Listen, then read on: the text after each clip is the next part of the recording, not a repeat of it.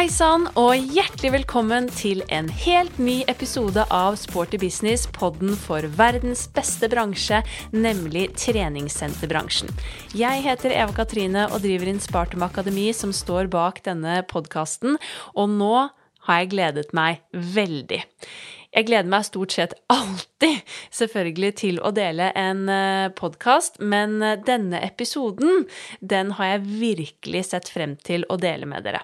For før jul så hadde jeg en fantastisk prat sammen med ingen ringere enn Anja Hammerseng Edin. Et stort forbilde og idol, tror jeg også for mange av dere, ikke bare meg. Anja er jo en av Norges tidligere aller beste håndballspillere.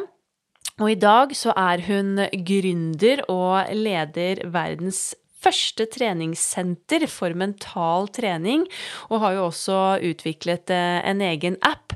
Og det at hun har gått fra å være idrettsutøver til å bli gründer, er jo også noe jeg syns er utrolig inspirerende. Og grunnen til at jeg tok kontakt med Anja, det var fordi jeg var heldig og var med på hennes foredrag om fokus under idrettsseminaret på Lillehammer i fjor. Og når jeg var med på det foredraget, så tenkte jeg at Shit, dette er også noe som vi i treningsbransjen har noe å lære av. Det å kunne bli enda litt råere til å holde fokus, enten det er på jobb eller det er eh, under trening, eller hvordan vi kan hjelpe deltakerne våre eller kundene våre til å bli enda litt råere og prestere bedre i eget liv. I tillegg så snakket Anja om meditasjon og viktigheten av meditasjon i hennes liv på en så utrolig jordnær og fin måte. Så jeg tenkte at eh, meditasjon er jo noe vi alle eh, har godt av å praktisere. Og kanskje denne innfallsvinkelen som bl.a. Anja har, kan være litt ekstra inspirerende for deg som ikke har prøvd meditasjon tidligere. Hun kaller det bl.a. for hjertefokusert pust. Bare navnet elsker jeg. Eh, og det får du også faktisk en liten smakebit på i denne episoden. Så vi skravler om eh, Anja sin vei fra å være toppidrettsutøver til å bli gründer på fulltid. Vi snakker litt om livet generelt, hva som skal til for å tørre å ta steget, følge drømmene, våge det lille ekstra. Vi snakker om hvordan bli enda råere på å holde fokus, konsentrasjon, prestere litt bedre på de arenaene som man ønsker. Og så får du en introduksjon til hjertefokusert pust, og vi snakker også om meditasjon og hvorfor det er noe vi alle bør teste, eller også da anbefale til medlemmene våre på treningssentrene. Så dette er en utrolig inspirerende prat med en helt rå dame, så jeg håper at du er eh, like nysgjerrig på episoden. Så her er det bare å nyte. Riktig god lytt.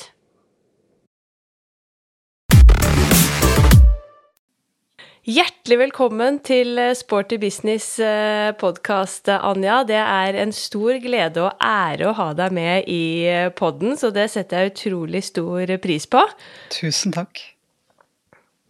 Veldig, veldig hyggelig. Jeg hadde jo gleden av å høre ditt uh, fantastiske foredrag om fokus under uh, idrettsfagseminaret på Lillehammer i oktober. Og det var når jeg hørte det, at jeg tenkte at åh, dette må lytterne også i Sporty Business få lov til å høre mer om. Og så ble jeg generelt også bare veldig inspirert av foredraget og deg, så da tenkte jeg nå må jeg bare sende av gårde en melding med en gang. Så det var veldig stas at du hadde tid til å gjeste Sporty Business. Så gøy. Takk. Tusen takk for veldig, veldig fine ord. Og, og det er veldig gøy å få lov å være her, for det her er jo temaer som jeg oppriktig brenner for. Så takk for det. Ikke sant. Og jeg har selv min bakgrunn fra idrettshøyskolen med en master i idrettspsykologi og coaching, så når du holdt dette foredraget ditt om mentaltrening og fokus, så ble jo virkelig jeg også inspirert og trigget, for det er noe jeg også brenner veldig mye for. Og det er jo ikke bare toppidrettsutøvere som har behov for mentaltrening, det er jo noe vi alle, kall det i gåstegn vanlige dødelige, også har eh, god nytte av, eller alle som også da trener på treningssentrene våre. Men eh, hva er ditt eget forhold egentlig til treningssenterbransjen? Jeg er jo veldig takknemlig for det. altså, ja, men helt ærlig, jeg har jo tilbringt uh, store deler av livet mitt på et treningssenter. Uh, og jeg vet at det finnes så enormt mye kompetanse der. Det er, det, er, mulig å få hjelp i de periodene hvor jeg ikke selv hadde en fysisk trener òg. Og det å, å, komme dit og også oppleve at det både er trenere der som faktisk kan hjelpe, men også også det fellesskapet med andre som trener. Uh, I det øyeblikket vi våger å, å, be om litt støtte, be om litt hjelp, så, så er det faktisk sånn, syns jeg, da, jeg liker det veldig godt med idretten, at folk har lyst til å hjelpe hverandre. Det er noe mm. inspirerende i å se folk pushe seg sjøl, tror jeg. Uh, I hvert fall så er det det for meg, og da er folk ganske behjelpelige. Ja, ikke sant. Absolutt. Det er gøy å få noen andre perspektiv også på bransjen vår enn eh, vi som jobber i den 24-7. Eh, vi er jo litt inni inne i vår egen boble, så det er også veldig gøy å få litt andre refleksjoner og syn på bransjen vår fra de som ikke er i den hele tiden. Mm. De fleste kjenner jo deg som håndballspiller.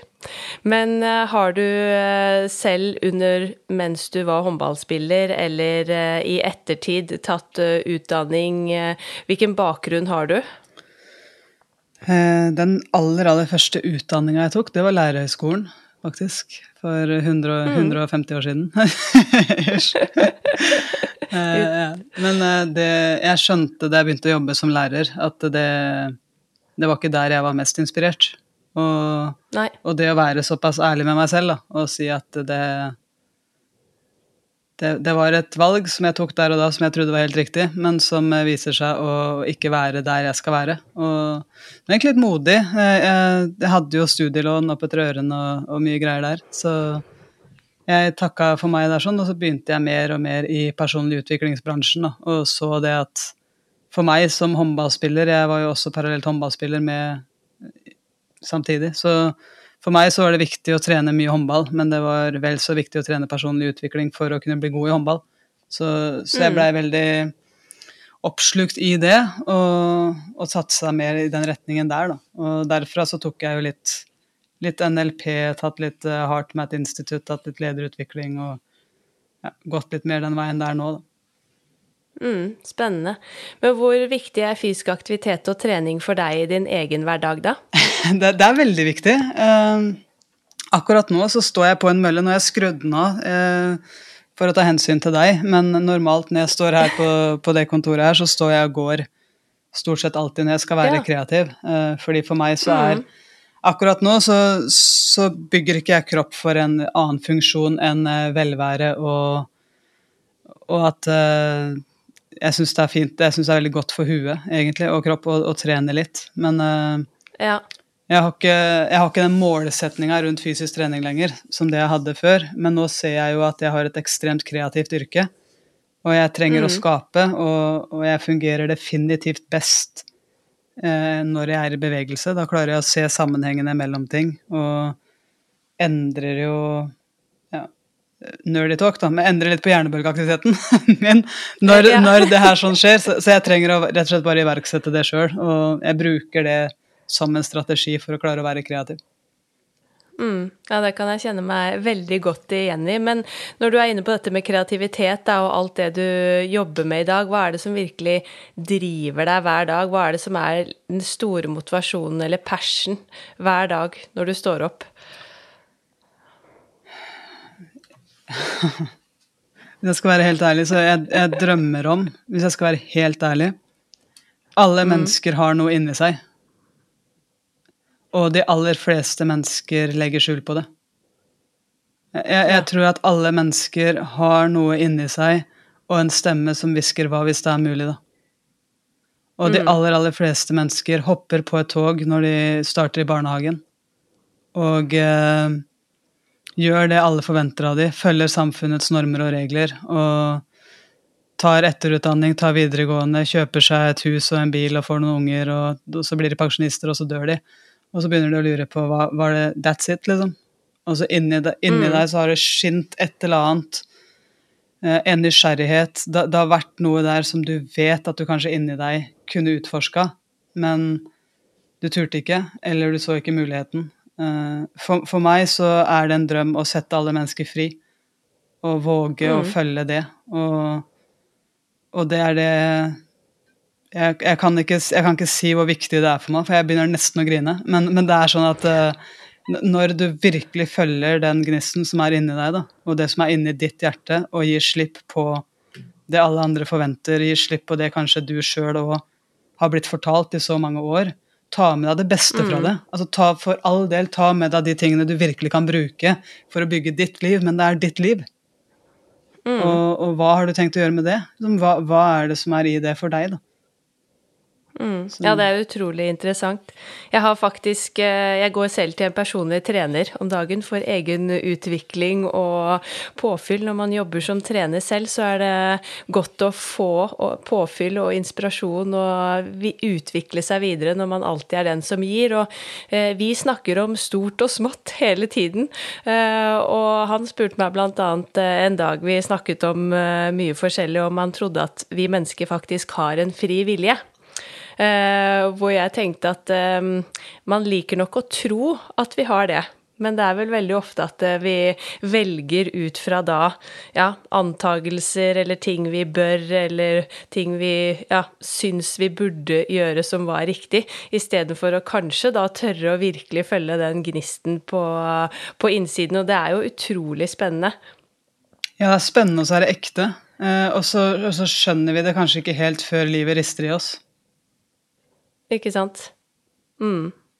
Jeg tenker at eh, det er vel eh, Det er jo dette her som er eh, selve på en måte grobunnen for det du har startet etter endt håndballkarriere, nemlig et uh, virkelig et, ja, et treningssenter, et univers for mentaltrening, som heter Fearless Heart. Mm. Utrolig inspirerende navn, syns jeg også. Kan du ikke fortelle litt om hva Fearless Heart er, og hvordan da denne ideen ble til? Ja, det, er, det er mest av alt en påminner for meg sjøl. Uh, eh, å faktisk uh, åpne hjertet og våge å være fryktløs i den prosessen der. Så, så, jeg ville kalle firmaet noe som jeg uh, trenger å, å, ha som en reminder sjøl. og så handler mm. det jo om å gjøre jobben med meg sjøl såpass godt at jeg kan bidra for andre. Og, og derfra så, så gjør jeg det jeg gjør nå, da. Eh, det starta mm. jo for meg med at jeg skjønner på lærerværelset, når jeg er helt fersk lærer, at jeg har bomma. Og, og det, ja. det, krever en del hardt. Det, det krever faktisk både ærlighet, og å være ærlig og oppriktig med meg sjøl. Og så, og så, krever det at jeg også er litt fryktløs. At jeg, at jeg gir slipp på det som eventuelt heller vil sikre sikre en, en, eller annen form for kontroll, selv om det også er en illusjon. Men, men, det å faktisk gå for det, da, og tørre å stå der på bar bakke og stole på at uh, jeg er kanskje ikke god nok enda, men jeg kan, som alt annet jeg har gjort i livet mitt, oppsøke de som er best. Jeg kan lære av de. Mm. Jeg kan uh, jeg kan studere sceneteknikk, jeg kan studere de beste på scenen. Jeg kan jobbe med stemmen, tonefall og rytmen i måten jeg prater på. Jeg kan jobbe med alle de tingene som jeg aldri har trent på før. Men hvis det her er det som er inni hjertet mitt, så skal jeg gå for det. Og, og det var sånn mm. det starta, at jeg skal bare tørre å leve mitt liv eh, som det som faktisk inspirerer meg. Da. Og, så Fearless Heart, det er jo Det er på en måte det som ja, som jeg har alltid. Eh, alt fra måten jeg Jeg jobber jo mye med formidling. Enten jeg skriver bøker, står på scenen, eller Vi har også starta eh, et community sammen, eh, hvor Fearless Heart eier 33% som er det som jeg virkelig, virkelig, virkelig satser på, som heter Heart Mentality. Mm. Som jeg har sammen med Tim Rudi Weiteberg og Marius Sørli. Og, og det, er, det er det community der som jeg virkelig bare brenner for. Altså Hver dag når jeg våkner om morgenen, så tenker jeg hva kan vi gjøre for dem? Hva kan vi gjøre for, mm. for vårt team i Heart Mentality? Og der har vi livesendinger og, og programmer og løpeøkter og alt, alt sånt som jeg syns er gøy å, å, jobbe med. da. Bare koser oss med det, og vi koser oss sammen med communityet vårt og, og blir kjent med de og, og lærer mer om hva de faktisk trenger. Og, ja, jeg syns det er veldig, veldig inspirerende å jobbe med. Mm, fantastisk. Hvilke, du nevnte jo litt med formidling og sånn, men hva leverer Fearless Heart? Hva, hvordan ser hverdagen din ut? Ja, ikke sant. Den er veldig variert. Den, eh, jeg har jo podkast eh, hvor jeg jobber med det her. Står mye på scenen. Formidler fra scenen. Mm. Jeg coacher mennesker som skal stå på scenen i forhold til storytelling og, og jobbe med ulike strategier der. Og så tilbringer jeg veldig veldig mye tid i kreativt arbeid med appen vår. Eh, Det er en veldig stor del av hverdagen min. Der lager jeg løpende mindset-økter, der lager jeg meditasjoner. Der har vi livesendinger, der eh, lager jeg historier, ikke minst. Jeg elsker jo storytelling. Så, Ja. så det er veldig, veldig mye av det jeg, jeg driver med til hverdag. Mm. Kult. Det var en lite håper å si, steg tilbake, men du nevnte jo det at du oppsøker de som er gode på ting hvis du ønsker å utvikle deg selv, og det tenker jeg også er en sånn utrolig fin ting å ta med seg for alle, egentlig. Også hvis man sitter med denne gnisten på innsiden, men kanskje ikke helt tør å ta steget fordi man tenker at ja, men jeg kan kanskje ikke det, eller jeg vet ikke hvordan jeg skal gjøre det på den måten, eller hvordan jeg skal gjøre det, osv. Det å faktisk tørre å ta steget og spørre om hjelp, og oppsøke de som er dyktige, og det leste jeg også på nettsiden din, dette med at eh, ja, du hadde oppsøkt eh, Sturla Berg Johansen for å bli rå på scenen, f.eks. Det å faktisk bare tørre å spørre, eh, og ta steget om å bli bedre og hele tiden lære noe nytt og, og utvikle seg. For som det står på T-skjorten din nå, da, som lytterne ikke ser, så står det jo 'Hva hvis det er mulig?' da. Altså det er det jeg tenker, og det meste er jo mulig. Hvis man bare tør å ta det steget, eller banke på den døren, eller ta opp den telefonen, eller spørre noen. Ja, og så er det det å våge å være nybegynner, da. Så, så jeg digger det du sier der med at vi må, vi må tørre å Vi må ingenting, men det er fett å tørre å spørre hvis du har lyst til å lære deg noe. Og så vite det Ja. at eh, det er greit å være nybegynner. Det er greit å bare være ærlig på at jeg trenger å, å få en trygghet fra deg, for jeg kan ikke det her. Men jeg, jeg har også lyst til å lære av din kompetanse. Og, og jeg kommer til å feile, mest sannsynlig masse. Kommer til å gå på mange smeller. Og, og jeg tror at jeg kan håndtere det, for det målet mitt er ikke å være perfekt. Målet er å bidra. Målet er For meg så Det skjedde et enormt skift både på håndballbanen, men også på scenen i det øyeblikket jeg gikk fra å være en som skulle bevise, fra å være en som skulle vise kompetansen min eller vise hvor god jeg var, til å bli en som bare var der ut av kjærlighet for de som var i salen, da. Eller de som var på laget mitt. Og det å gå fra beviset til å bidra, det har vært eh, det har vært en av de sterkeste prosessene eh, for mitt eget ego, i hvert fall. Å, å kjenne på at det går an å bli fri fra den. Og jeg er her av kjærlighet. Jeg er her for å, for å bidra, og om det kan hjelpe noen, så er det verdt det. Og det kommer ikke til å være Det kommer til å være godt forberedt. Det kommer til å være jeg som hele tida trener på å bli bedre. Det kommer til å være meg i en prosess, men mest sannsynlig så kommer jeg ikke dit at alt blir perfekt. Og det kan jeg faktisk leve med, for det er også en del av meg. Ja. ja, alle vi som jobber i treningsbransjen også, så har mye å lære av det å tørre å være nybegynnere. For man blir jo ofte veldig god på det vi jobber med, men vi møter jo veldig mange nybegynnere i treningsbransjen. Og hvis vi skal favne alle de nye som kommer inn til oss, og det å sette seg i den også situasjonen selv, hvor man faktisk må kjenne på det å være nybegynner, er utrolig lærerikt. Mm. og kjempespennende. Men du nevnte jo innledningsvis dette på en måte passionen din og drømmen din, som jeg tipper er en viktig del da av Fearless Heart. Men hva er selve visjonen til Fearless Heart, eller hva er drømmen eh, i fremtiden? Det Der har vi snakka så mye om. eh, Og, og jeg tror det er en sånn greie som vi er så vant til i vårt samfunn, og som jeg har levd med i så mange år, det er at du må ha et mål, eller så kommer du aldri noen vei. Eh, Og hvis jeg skal, hvis jeg skal være helt ærlig, så, så tror jeg at det er en tid og sted for alt. Vår eneste ambisjon uh, i, i Heart Mentality, da, som er appen vår og vårt community, det er at uh, vi, skal, vi skal hjelpe mennesker med å bli fri. Med å navigere ut fra sitt hjerte. Og og, og det er uh, Jeg blir ikke noe gladere om jeg får 100 millioner inn på kontoen for det. For min største glede, det er å kunne oppleve den samtalen med det mennesket som sier at du traff meg. Jeg tar noen valg i livet nå takket være det dere jobber med her, og livet mitt har fått en høyere kvalitet. Ikke Eh, sant? Så, så jeg tror for meg så har det vært ekstremt viktig å være dønn ærlig med meg selv på Og det betyr ikke at jeg har lave eh, At jeg ikke er engasjert. Sant? Det betyr heller det motsatte. Jeg er helt oppslukt i å gjøre alt jeg kan for vårt community, sånn at de kan leve det livet de har lyst til å leve, fri for begrensninger, fri for uh, at ego skal forstyrre for dem, og bare kjenne den skikkelig gnisten de har inni seg, og dyrke den, da. Det, det er mm. min visjon. Og hvis jeg skal ha en drøm, så er det jo at alle mennesker opplever kjærlighet og frihet på innsida ut. Uh, men jeg, jeg, er rett og slett kjempelei av å sette sånne resultatmål som om det er 'da blir jeg lykkelig'-målet. Det, det, orker jeg ikke, ass. Ja. det, jeg gjør det noen ganger, og det er en tid og sted for alt. Jeg gjorde det når jeg skulle inn i 'Mesternes mester'. Da hadde jeg et kjemperesultatmål på jeg trenger å gå opp fem kilo, ellers kan det være direkte livstruende for meg å gå opp den bakken med den ballen. Så jeg mm. trengte rett og slett mer muskelmasse, og det, det var sånn veldig konkret resultatmål. Men for meg så er, så er det jeg driver med nå, det er rett og slett å å bidra.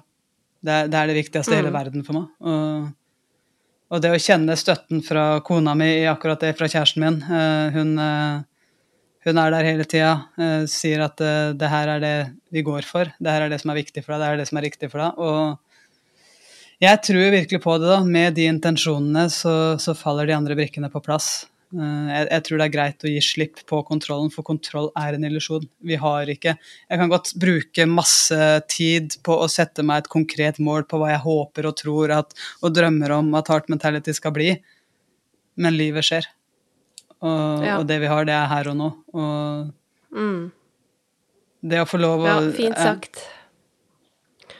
Jeg kjenner at eh, Ja, jeg er veldig enig, for jeg også merker at det er mange som alltid snakker om målsettinger eller målsettingsprosesser, eller for min egen del, som også er gründere og har startet eget, så er det så mange som spør meg sånn Ja, men hva er målet, da? Hva er målet om fem år? Hva er målet om ti år? Ja, ja. Eh, det, det, er sånn de tenker. Og så er det sånn Ja, men kan ikke jeg bare få kose meg med det her? Ja. Jeg, jeg vil bare elske det, det jeg gjør, jeg. Ja. Og det som er gøy, ja, for Jeg også syns det er vanskelig ja. å liksom måtte da konkretisere akkurat hva det målet er. Altså Man kan jo sette små delmål på veien, eller man har noen mål i hverdagen, men jeg også tenker sånn Ja, kan jeg ikke bare nyte det, være i det, sånn som det er? Og det, er, det tror jeg, da. Det, da bumper vi inn i ganske gode resultater. Mm. Når vi bare får lov til å elske det vi gjør, og gi slipp på den der jakta. Det, ja. mm. det, er en ting som jeg har i hvert fall utforska litt de siste åra. Og å våge å ha vært litt ærlig på, for det er litt unorskt. Og det kan også i noens ja. øyne være litt useriøst, og for meg så er det en av de mest seriøse tinga jeg kan gjøre. Det er å, ja. å, være ærlig på akkurat det. Kult. Mm. Du har jo nevnt uh, Heart Mentality-appen, men kan du ikke si litt mer om uh, hva er det universet der? Først av alt så er det et community. Uh, det er mennesker. noen liker å kalle det for medlemmer. Uh, det er noen ganger at jeg sier det sjøl, men for, for, oss så er det teamet vårt. Det, er, det der er stedet hvor mennesker skal gå til for å få inspirasjon, for å føle at de er med på et lag som støtter dem. Uh, mm. Der har vi programmer for fokus, for meditasjoner, for, faktisk for isbading òg, la vi ut nå, veldig kult. Uh, men alt, alt, innen personlig utvikling, da. Og så har vi selvfølgelig ja. da livesendinger hver uke. Jeg skal, på, mm. jeg skal på i kveld, i dag er det tirsdag. Eh, så jeg skal på å, å kjøre meditasjon, takknemlighet, der vi lander sammen og kjøre på med litt storytelling og sånne ting som jeg elsker, da. Sammen ja, ja. med communityet vårt, og så bare få rett og slett landa sammen og snakke og være sammen. Og, og jeg tror det er, noe, det er, noe, kraft bak det, eh, det å kunne som, være med andre på den reisa. Og det å heie på hverandre. Virkelig. Jeg merker jo nå at det er flere av de som er med i vårt team, da, som de, de, har blitt kjent via vårt community. De heier på hverandre på sosiale medier, de er med hverandre på ting. og det er, det er den fellesskapsfølelsen her, hvis vi kan være med å bringe folk sammen, så er det, det er faktisk noe som gjør meg skikkelig glad. Mm. Absolutt. Jeg nevnte jo innledningsvis dette foredraget jeg hadde gleden av å være med på eh, i oktober, og det syns jeg jo var superinspirerende. Jeg vet jo at du har flere foredrag, men det handlet jo da om fokus. Um, og det tenker jeg er eh, noe vi alle kan bli enda råere på, enten det er på trening eller om det er i hverdagen generelt. Men når var det du selv ble så interessert i dette med mentaltrening, og kanskje spesielt dette med fokus, konsentrasjon? Eh, jeg husker øyeblikket for mentaltrening og mindset. Eh, mm. Jeg var 12-13 år og hadde akkurat vært på foredrag med en kar som het Frank Beck. Ja. Og han var en av Norges aller første og største motivatorer. Og jeg slukte alt. Altså, jeg var så, jeg var så inspirert når han prata. Jeg satt og fulgte med, og jeg var ikke kjent for å være en som fulgte med når jeg måtte sitte stille. da. Men alt det han sa, det bare gjorde at jeg kjente at nå er jeg her. Og, og jeg blir helt oppriktig nysgjerrig på hvert ord som kommer ut av den munnen. da. Og, og jeg, jeg blei så oppslukt. Og så husker jeg at jeg satt i bilen med mamma etterpå, for hun var trener. Så hun hadde arrangert det. da. Så spurte jeg mamma er det, er det mulig å ha det der som jobb, det han Frank driver med, som får mennesker til å føle det som jeg følte nå. Kan, kan man det? Og så sa mamma ja, men da må det mest sannsynlig være en av veldig få, fordi det er ikke mange som driver sånn. Og hun visste heller ikke om det fantes noe utdanning for det. Det er det første sikkert en mamma går til, da. Det er den der ja, hva, hva da? Men samtidig så er mamma veldig åpen og bare ja, det, jeg tror at du kan få til det. Eh, og, og det er jo det jeg lever nå, da. Det er, og det er det øyeblikket der jeg kom tilbake til når jeg sto på lærerværelset og bare skjønte at det her er jo ikke meg som er ærlig med meg sjøl. Det her er meg som, eh, som gjør det som er litt bra, men ikke Altså Hadde jeg dødd i morgen, så hadde jeg ikke vært happy med å, å ikke følge den drømmen. sant? Så, så da Der starta det for meg, allerede i den bilen med mamma når jeg, var, jeg tror jeg var tolv år. Og det var ganske sterkt, for jeg husker det øyeblikket så enormt godt. Mm. Um, men når det gjelder fokus, så, så er nok det også et øyeblikk jeg husker rett og slett fordi at jeg var der når jeg var der. og det, det Ja. var ikke sånn Det var ikke sånn eh, jeg, jeg var ikke sånn veldig engasjert på skolen. Jeg, jeg syns det var uh, helt medium. Jeg var engasjert i religion, og så var jeg engasjert på gymmen. Men uh, utover det så var det ikke så mye som engasjerte meg sånn oppriktig på skolen. Så fascinerende egentlig at jeg havna som lærer, da. Men, eh, men det, det gjorde jeg. Det ikke sant? Men eh, det å faktisk merke da at eh, det er, det er veldig mange som krevde at jeg skulle følge med, og som ropte sånn 'Hold fokus, da! Hold fokus!' da, Mange som dreiv sånn. Og 'Konsentrer deg, da! Du kan være her når du er her!' Sant? All- Alle de krava som vi stiller til oss sjøl og, og til andre. Mm. Og jeg tenkte alltid, hver gang jeg fikk den beskjeden, så tenkte jeg at jeg syntes det var en helt strålende idé. Hver gang. Det er bare at jeg skjønte ikke hvordan. Jeg hadde ikke, jeg hadde ikke strategiene for det. Og, og inni meg så hadde jeg så lyst til å ha det, men jeg visste ikke ja, hvordan gjør jeg det, da? Og, og det for meg å begynne å trene opp det, det starta faktisk etter en, eh, en situasjon jeg skulle spille et VM for Norge. Hvor jeg merka at uh, egoet mitt blei veldig tilstedeværende. Og jeg flaksa veldig kjapt opp i den mentale verden med fokuset mitt. da. Ja. Og, Mm. og jeg kjente at eh, og, og med egoet mitt så mener jeg at jeg fikk lyst til å beskytte meg sjøl hele tida. Jeg fikk lyst til å liksom ikke, ikke ta helt ansvar for resultatene. Uh, selv om jeg inni meg ville være et bra menneske. Og så merka jeg at jeg Mm. begynte å tenke på feila jeg hadde gjort tidligere, og litt hva kanskje konsekvensene blir. Og da merker jeg at jeg har et fokus, og at det vandrer, og at det var ikke alltid til et hyggelig sted. da. Så, så det var etter det mesterskapet der hvor jeg skjønte at det her har jeg lyst til å trene opp. Og det her Jeg tror at hvis jeg trener opp det som folk kaller for et fokus, jeg begynner å skjønne litt mer av hva det er, og at jeg faktisk kan være der når jeg er der, da, da tror jeg det ville bringt meg ganske mye lykke i livet. Ganske mye glede både i forhold til relasjonene mine, men også en boost på håndballbanen som var en kjempestor motivasjon for meg da, eh, for å gidde det her. Mm. Så, Ja.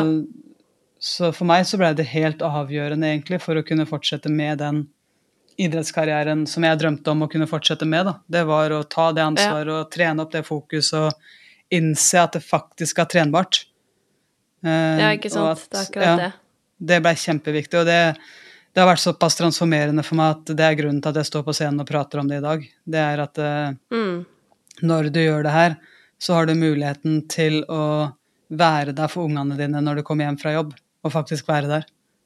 Og ikke da fortsette å tenke på jobb. Du har muligheten til å stå i et VM og ha kaos rundt deg, men fortsatt være der Mm. på banen.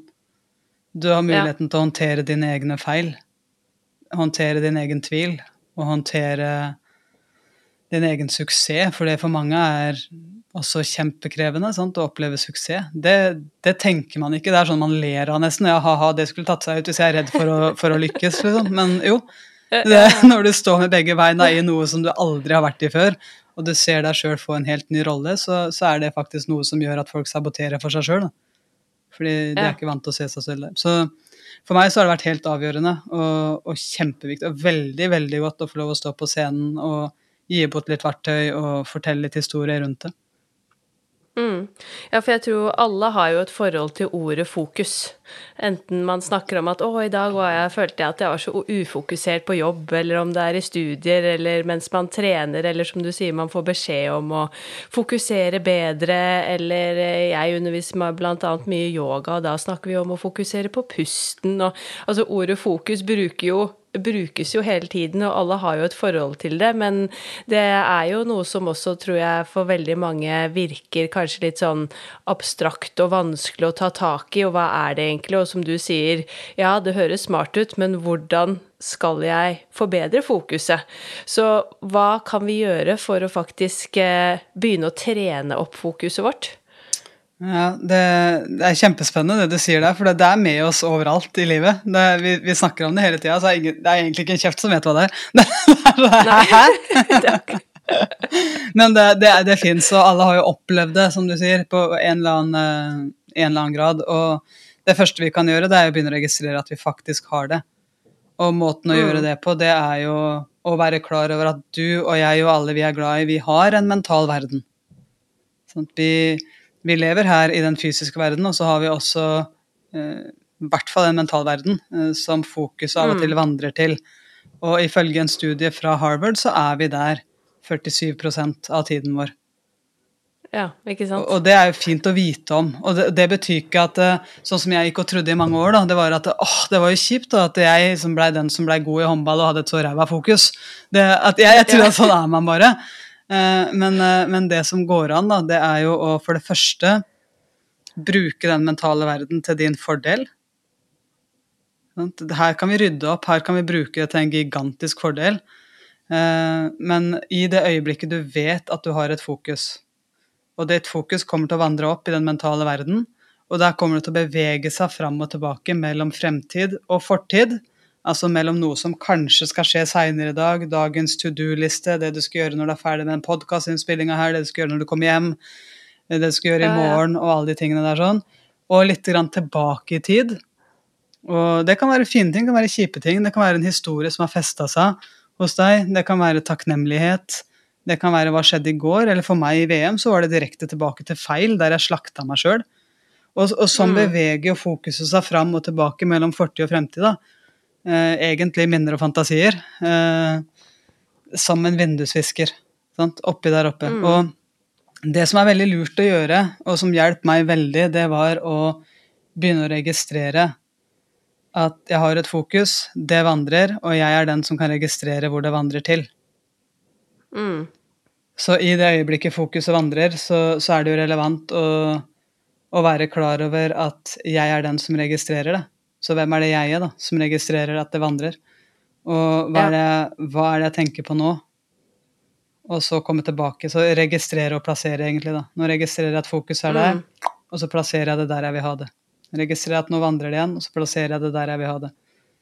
Så registrere mm. og plassere for meg, det blei et kjempeverktøy å starte med, og det er egentlig mer enn nok å starte med, bare registrere og plassere. Ja. Og etter hvert, da, når du er ærlig med deg sjøl, så begynner du også å være ærlig med hvor er det det egentlig vandrer til. Er det her noe jeg har mm. lyst til å rydde opp i, eller er det her noe som, eh, som er helt fint at det vandrer til, og, og som bare skal ja. få lov å være der? Jeg skal bare plassere det der jeg trenger det, når jeg trenger det i øyeblikket, da. Mm. Ja, det begynner med bevisstgjøring. Det blir jo som veldig mye annet, også mentaltrening. Jeg har jobbet mye med indre dialog, f.eks., og det er akkurat det samme. Vi vet jo egentlig ikke hva som suser gjennom dette topplokket i løpet av dagen nødvendigvis, fordi man eh, er ikke bevisst. Men hvis man begynner å faktisk legge merke til hvilke tanker som suser gjennom eh, hodet, så er jo det første steg for å eventuelt både da bli bevisst og så kunne gjøre en endring eh, etter hvert. Og det samme blir det jo som fokus med fokus at man må jo først eh, legge merke til også når fordi svever dette fokuset av gårde. Når er man i denne mentale verden, og ja, når skjer det, og hvor ofte skjer det, f.eks. Ja.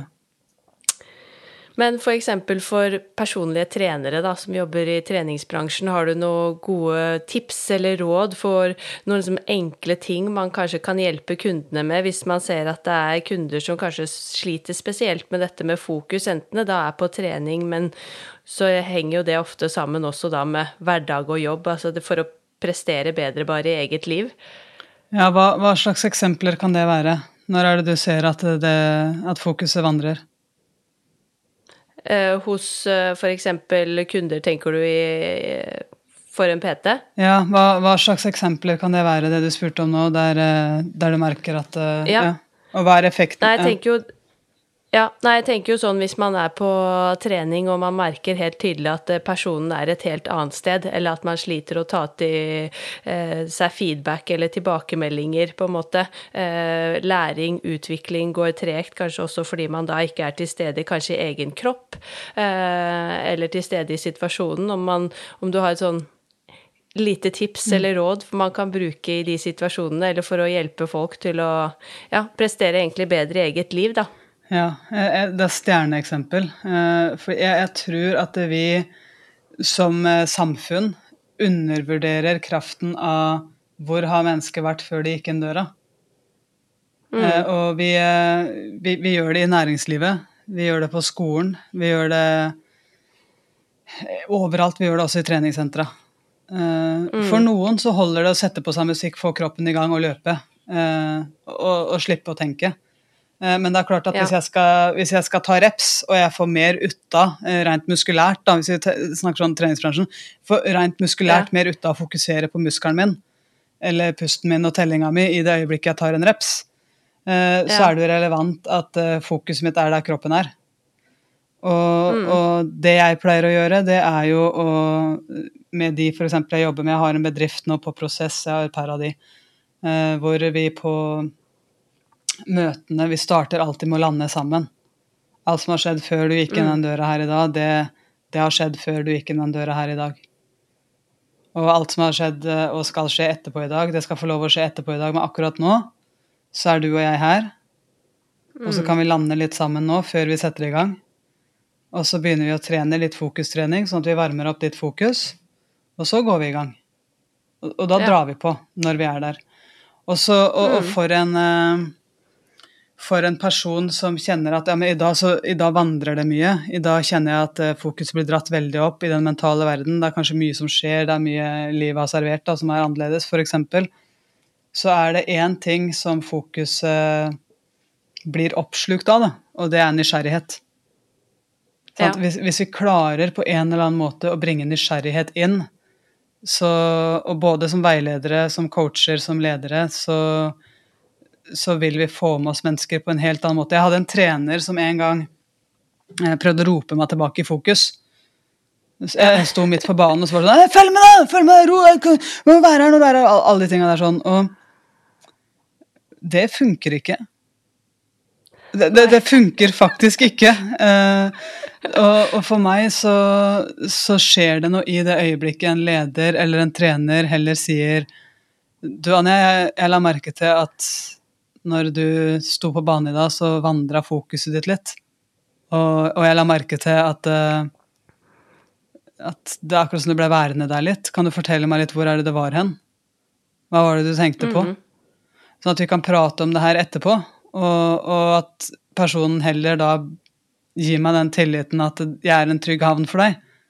Jeg, jeg ser at fokuset ditt vandrer, og jeg er her for deg. Jeg skal ikke prøve å kjefte deg tilbake igjen, jeg skal heller være nysgjerrig på hvor vandra det hen. For der kan jeg mm. kanskje si at jeg vet hva, jeg, jeg blei faktisk redd for å feile. Jeg blei faktisk redd for å For at du skulle bli sint, eller for at jeg skulle miste spilletid.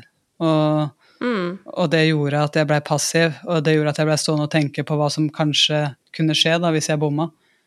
Og, og der, mm. har vi, liksom, der har vi et utgangspunkt å jobbe med, da.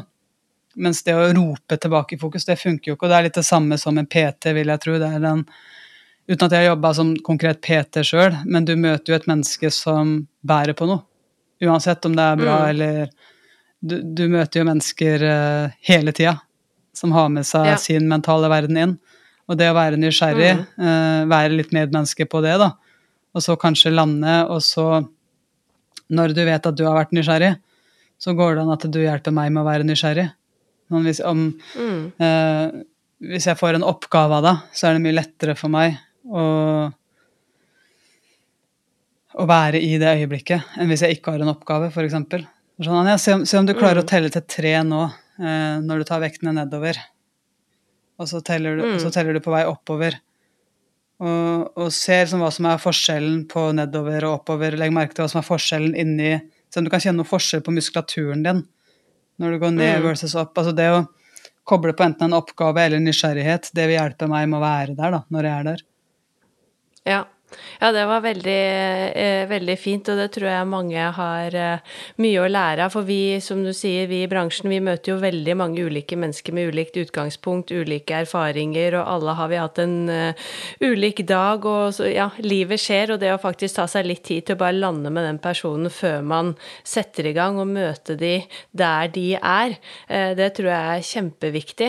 Og når du snakker om dette her med å lande, så tenker jeg det har vi jo godt av å gjøre alle sammen i løpet av dagen, eller før man skal legge seg om kvelden, for det har jo skjedd mye i løpet av dagen, kanskje. Eh, og da er jo eksempel meditasjon, som jeg vet at du også eh, praktiserer eh, selv, et veldig godt verktøy. Og når jeg også hørte at du snakket om meditasjon på dette foredraget, så syns jeg det også du gjorde det så veldig sånn jordnært og enkelt, som jeg tenker at dette kan alle relatere seg til. For jeg føler at det er en del som kanskje har litt fordommer eh, rundt meditasjon, eller syns at det nesten høres litt sånn rart og skummelt ut, eller man vet ikke helt hva det er. Men eh, først og fremst eh, hvordan Altså hva slags eh, meditasjon praktiserer du selv, og hvorfor har det blitt så viktig for deg? Å, det er et bra spørsmål, for, jeg, for meg så er meditasjon litt som mat, egentlig. Det er så sykt mange Mm. ulike retter, og, og noen ting liker jeg, og andre ting styrer jeg 100 unna. Ja. Og, og jeg, jeg skjønner skepsisen, eh, og jeg hadde Mm. den definitivt sjøl. Jeg har ikke slukt meditasjon i alle år sjøl. Jeg har eh, vært vant til å ha en veldig stor eh, nysgjerrighet i min mentale verden. Mye kreativt som skjer. Mm. Hatt en litt sånn halvveis urolig kropp egentlig òg, at jeg, jeg føler at jeg får lyst til å bevege meg. Så jeg trodde egentlig ikke at meditasjon var noe for meg. Eh, men eh, når jeg fikk kjenne på effekten, og kjenne at eh, jeg blir både råere på håndballbanen av det, eh, Mm. det ga meg en kjempeeffekt. Det å være Man tenker deg, Hvis du klarer å være i øyeblikket, hvilken fordel kan det gi deg i ditt liv? Hvilken Mm. fordel kan det gi relasjonene dine? Hvilken fordel kan det gi resultatene dine? Mm. Og hvis jeg skal være helt ærlig, så tror jeg nå som vi har fått såpass mye forskning på det òg de senere åra, jeg, jeg tror, og det her er helt, helt dønn ærlig, jeg tror ikke at om ti år at det kommer til å finnes arbeidsgivere som tør å ha mennesker som ikke mediterer. Ja. På grunn av hva det gjør med stresshormonene i kroppen vår. For du Mm. får en ro, du blir robust mot stress.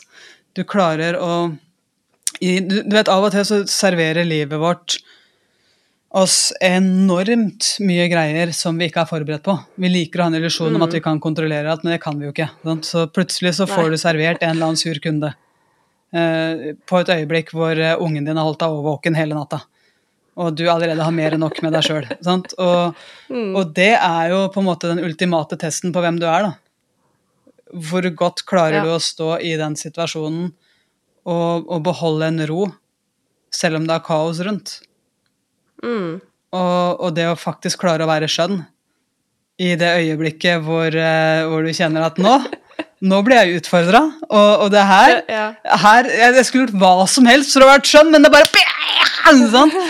Eh, For meg så er det Meditasjon gjør de tingene her, men, men det gjør så mye mer enn det. og Det er derfor jeg bruker veldig mange ulike varianter da, av fokustrening og meditasjon. Og jeg kobler veldig ofte på ro. Jeg trenger ro. Eh, Jeg er veldig glad i å navigere ut fra et sted av ro. For da klarer jeg å ta Ja. kloke avgjørelser. Da klarer jeg å svare svare de menneskene som stiller meg spørsmål, eh, og som er rundt meg, med en form for ekthet. Ikke bare hva er det du forventer at jeg skal si nå, men det som faktisk blir sagt, det vet jeg at det er fra et sted av det som er ekte. Da.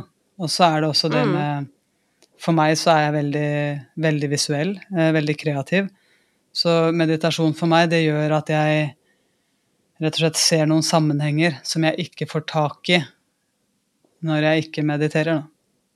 Eh, Ja. Jeg, jeg klarer å eh, jeg, jeg fyller jo opp min mentale verden med mennesker som inspirerer meg, og, og mennesker som jeg kan lære noe av. Men hvis ikke jeg har pauser, så blir det bare påfyll, påfyll, påfyll, og da renner det over. Det er som å løpe intervaller uten pause, liksom. Det, ja, du får løpt intervallene dine, men du får ikke noe effekt av det.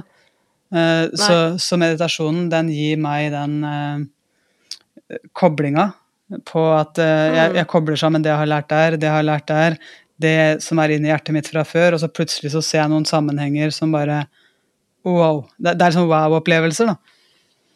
Ja, ja. Så jeg bruker det, bruker det mye selvfølgelig på jobb for min kreative greie, men eh, også for ro og det å være det mennesket jeg har lyst til å være.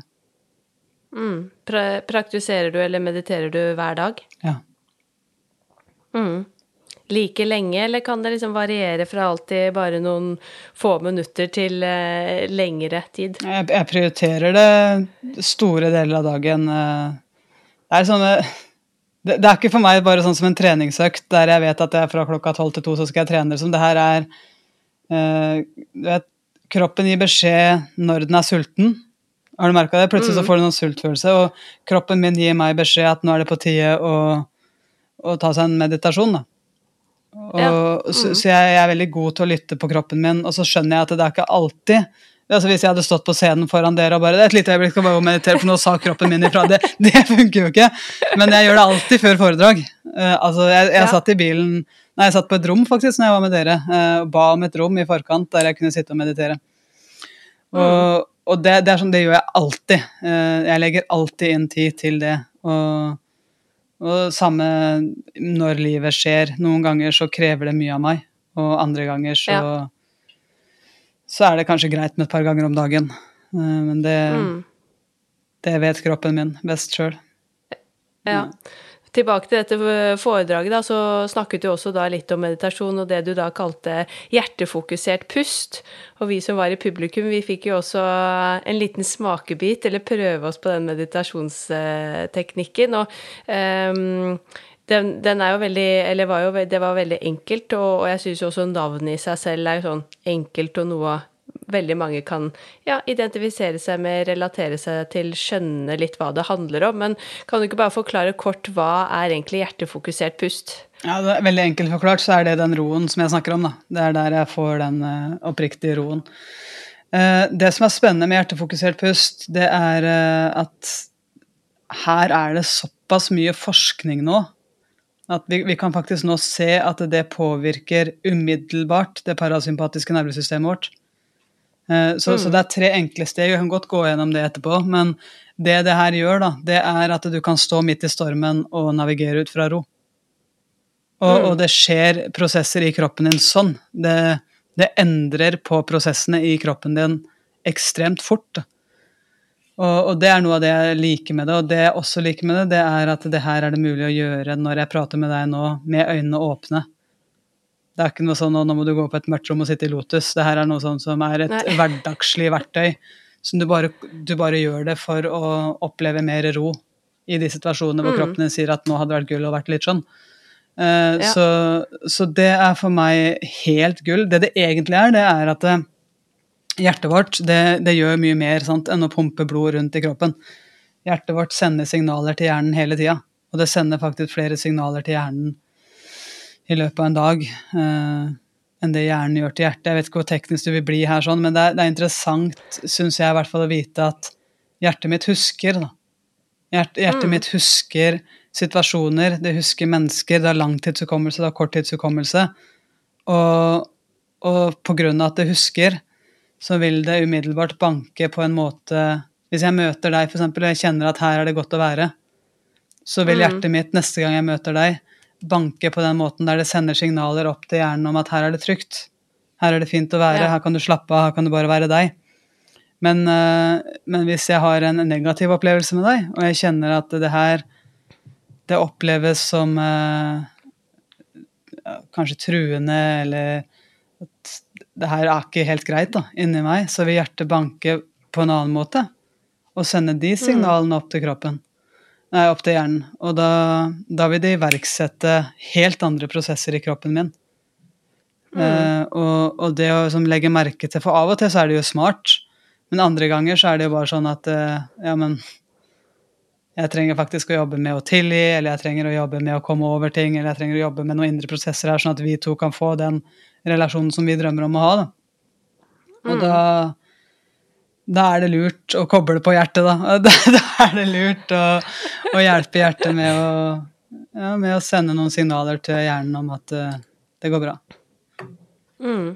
Ja, for det var det du sa også om at dette er et enkelt verktøy. Du trenger ikke, som du sier, å sitte i Lotus eller ha på Mala-smykker eller eh, gjøre det til noe veldig spesielt. Og jeg tror det er nettopp de tingene og kanskje bilder man har fra sosiale medier og ting man har sett, som gjør at folk også har disse fordommene de har mot f.eks. da meditasjon, som kan virke litt sånn eh, eh ja, farlig, kanskje, eller uh, Man vet ikke helt hva det er, og man tenker at man må kanskje gjøre det på en spesiell måte for at det skal være meditasjon, og det passer ikke for meg, det bildet man har fått gjennom da kanskje sosiale medier. Mm. Uh, og det var jo nettopp eh, det jeg også likte så godt. Når du sa det på foredraget, at dette krever ingen ja, lotusstilling.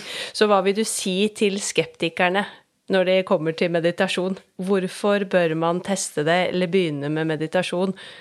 Ja, altså jeg er ikke sånn som prøver å prakke det på noen. Hvis du har lyst til å være skeptisk, skeptisk så vær det. Hvis du føler at livet ditt fungerer helt fint, og at du sover godt på natta, og du navigerer og er skjønn, så, så har du sikkert funnet noe som funker for deg. Uh, mm. men, uh, men, men, det er en gave å gi seg sjøl uh, som er ganske langt utover det som vi pleier å navigere ut ifra i vårt samfunn. da. Vi pleier å navigere ut mm. ifra at uh, hvis jeg når et eller annet mål, ref det vi snakka om i stad, så kommer jeg til å bli glad. Uh, hvis jeg får mm. den lønna, så kommer jeg til å bli glad. Men, men, det å faktisk oppleve at det jeg kanskje jakta på utsida av meg sjøl, klisjé nok, faktisk er tilgjengelig for meg hele tida, uh, mm. det er en heftig Syns i hvert fall jeg, da. Jeg syns det var en heftig opplevelse, fordi at mm jeg, eh, jeg, var så vant til å sette meg mål. Jeg var så vant til å kikke inn i framtida og tenke hva er det jeg drømmer om. Og, og, jeg var så vant til å tenke at uh, jeg kan kontrollere det ved å klare ting. Eller jeg kan, uh, jeg kan uh, oppleve kjærlighet fra andre hvis jeg bruker Hvis jeg gjør det og det. Men, men, det å oppleve at jeg kan gi slipp, jeg kan, jeg kan ha en oppriktig kjærlighet innenfra og ut. og å gi slipp på det jaget, det stresset. Og at det faktisk Det, det er litt sånn selvmotsigende, men det faktisk gir meg mye råere resultater enn det jeg noensinne har fått. Det, mm. for det er så lett å tenke at da blir det sånn nei, Da blir jeg sånn bløtfis som bare da, da, da, har jeg ikke ryggrad lenger. Jo, tru meg, du, du står mye sterkere. Du står ja. mye sterkere. Så mm. Men altså, har du funnet noe som funker for deg, så bruk det. Vi, vi er alle ulike. Sånn, det, sjekk det ut. Ja. Ja, og så tenker jeg sjekk det ut og test ulike ting, for som du nevnte, altså litt som matretter, det fins et hav der ute. Ja. Eh, det fins jo masse ulike teknikker, så man må jo også finne noe som fungerer for en selv. Så i hvert fall hvis man kjenner at man er litt nysgjerrig på det, da tørre å teste ut ulike ting, sånn at man ikke tester én ting og så tenker å nei, dette her var ikke for meg, og så prøver man aldri igjen, men at man er litt igjen nysgjerrig da og tester ut uh, ulike ting. Ja. Det er det, altså. Gi slipp på den der at alt må være så sykt perfekt. Vær litt nybegynner der òg, da. Det er, liksom, det er mm. greit å teste ut. Det er greit å oppleve hva som er, eh, hva som er til stede i din kropp akkurat nå. Og ja. Det er ganske ufarlig, egentlig, selv om mange er veldig redde for stillheten. Da. Mange er redde for hva vil dukke opp. Uh, mm. Hva er det jeg må face inni meg sjøl? Det, sånn, det, er en sånn liten hero's journey på mange måter, uh, som vi ofte går gjennom, da, der vi må vi går først inn i nysgjerrigheten, og så kanskje trekker vi oss litt og tenker at nei, det, det, her, det kan vel ikke være noe. Og så har du fått litt smaken på det likevel, og så går du, går du nye steg, og så, og så ser du deg sjøl plutselig gjøre ting og håndtere ting på en litt annen måte. Og så mm. blir det en gradvis personlig utvikling som er ganske heftig helt klart. Men jeg tenker inn i eh, også det nye året, så er jo dette med fokus og kanskje teste noe nytt, noe vi alle har godt av. Så det hadde jo vært fantastisk om vi kunne rundet av med eh, disse tre på en måte trinnene i hjertefokusert eh, pust, om du har lyst til å bare ta oss gjennom det. Men før vi avslutter med det, har du også, det spør jeg alle som er med i Sporty Business om, har du noen eh, idé om hvem som kunne vært spennende for oss å ha som gjest i podden? Er det noen som inspirerer deg, som du tenker at eh, vi i treningsbransjen også kunne latt oss eh, inspirere av? Ja, faktisk. Eh, jeg har en kollega som heter Tim Rudi Weiteberg. Han mm. er eh, ekstremt rå på crossfit, så han kan, eh, kan, masse om det å pushe kroppen sin. Men han har også veldig mye interessant å komme med i forhold til å ta av seg maska.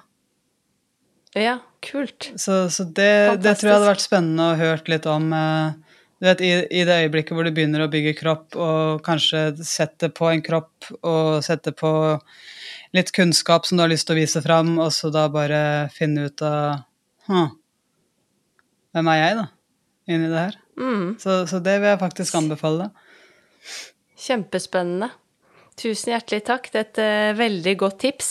Og jeg kunne jo gjerne fortsatt å skravle om dette temaet i det uendelige, men vi skal begynne å runde av. En utrolig uh, inspirerende prat, Anja, og jeg er så glad for at uh, du tok deg tid. Og så er det fantastisk om du har lyst til å bare gi oss en liten introduksjon i hjertefokusert pust som avslutning. Ja, gjerne det. Um så de av dere som lytter nå, da, og som ikke har gjort det her før, jeg vil faktisk anbefale som en første gang hvis det er forsvarlig for deg, og du ikke er ute og kjører bil eller går eller, eller noe sånt, så, så lokk øynene dine nå første gang, og det er bare fordi at da tar vi bort en sans. Hvis du føler at det er trygt, så mm. gjør det. Hvis ikke så kan du bare skue på et punkt foran deg og konsentrere deg om det. Eh, men nå som du vet at du har et fokus, da, så kan du ta det fokuset ditt og plassere det på brystet ditt og området rundt hjertet ditt. Pust litt roligere og litt dypere enn vanlig.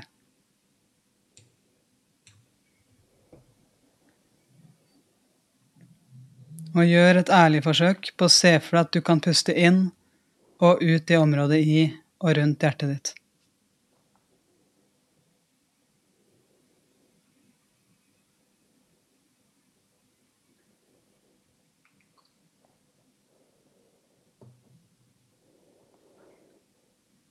Så kan det godt hende at fokuset får lyst til å vandre litt bort på andre ting, og det er helt ok.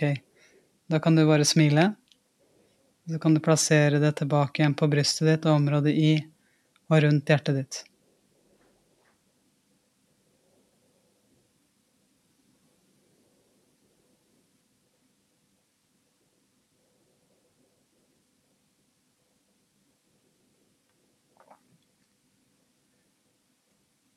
Så kan du ta med deg inn at hver eneste gang du puster inn, så fyller du kroppen din opp med ny energi. Det har skjedd helt siden det første øyeblikket du blei født. Men hver gang du puster ut, så gir kroppen din slipp på det den ikke trenger lenger. Så se om du kan være litt nysgjerrig nå på innpusten din og utpusten din.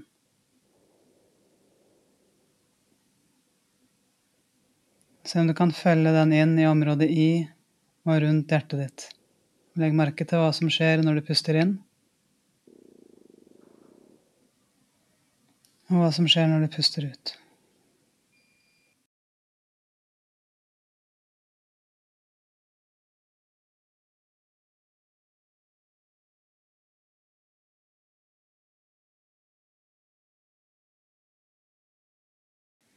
Så kan du ta fokuset ditt og plassere det opp i ansiktet ditt, området rundt munnen. Ta opp et lite smil der, bare fordi du kan. Så kan du åpne øynene dine hvis du har hatt de luktene. Bare legg merke til hvordan kroppen din er nå.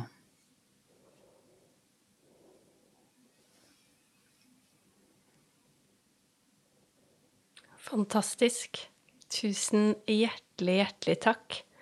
Det er uh, noe jeg selv vil ta med meg inn, uh, inn, i det nye året også.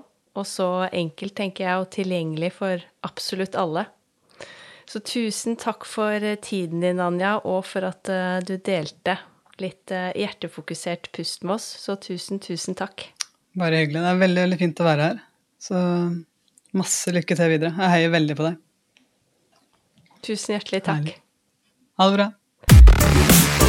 Tusen takk for at du har eh, hengt med og lyttet til enda en episode av Sporty business. Jeg håper du er blitt like inspirert som det jeg er etter denne fantastiske samtalen med Anja.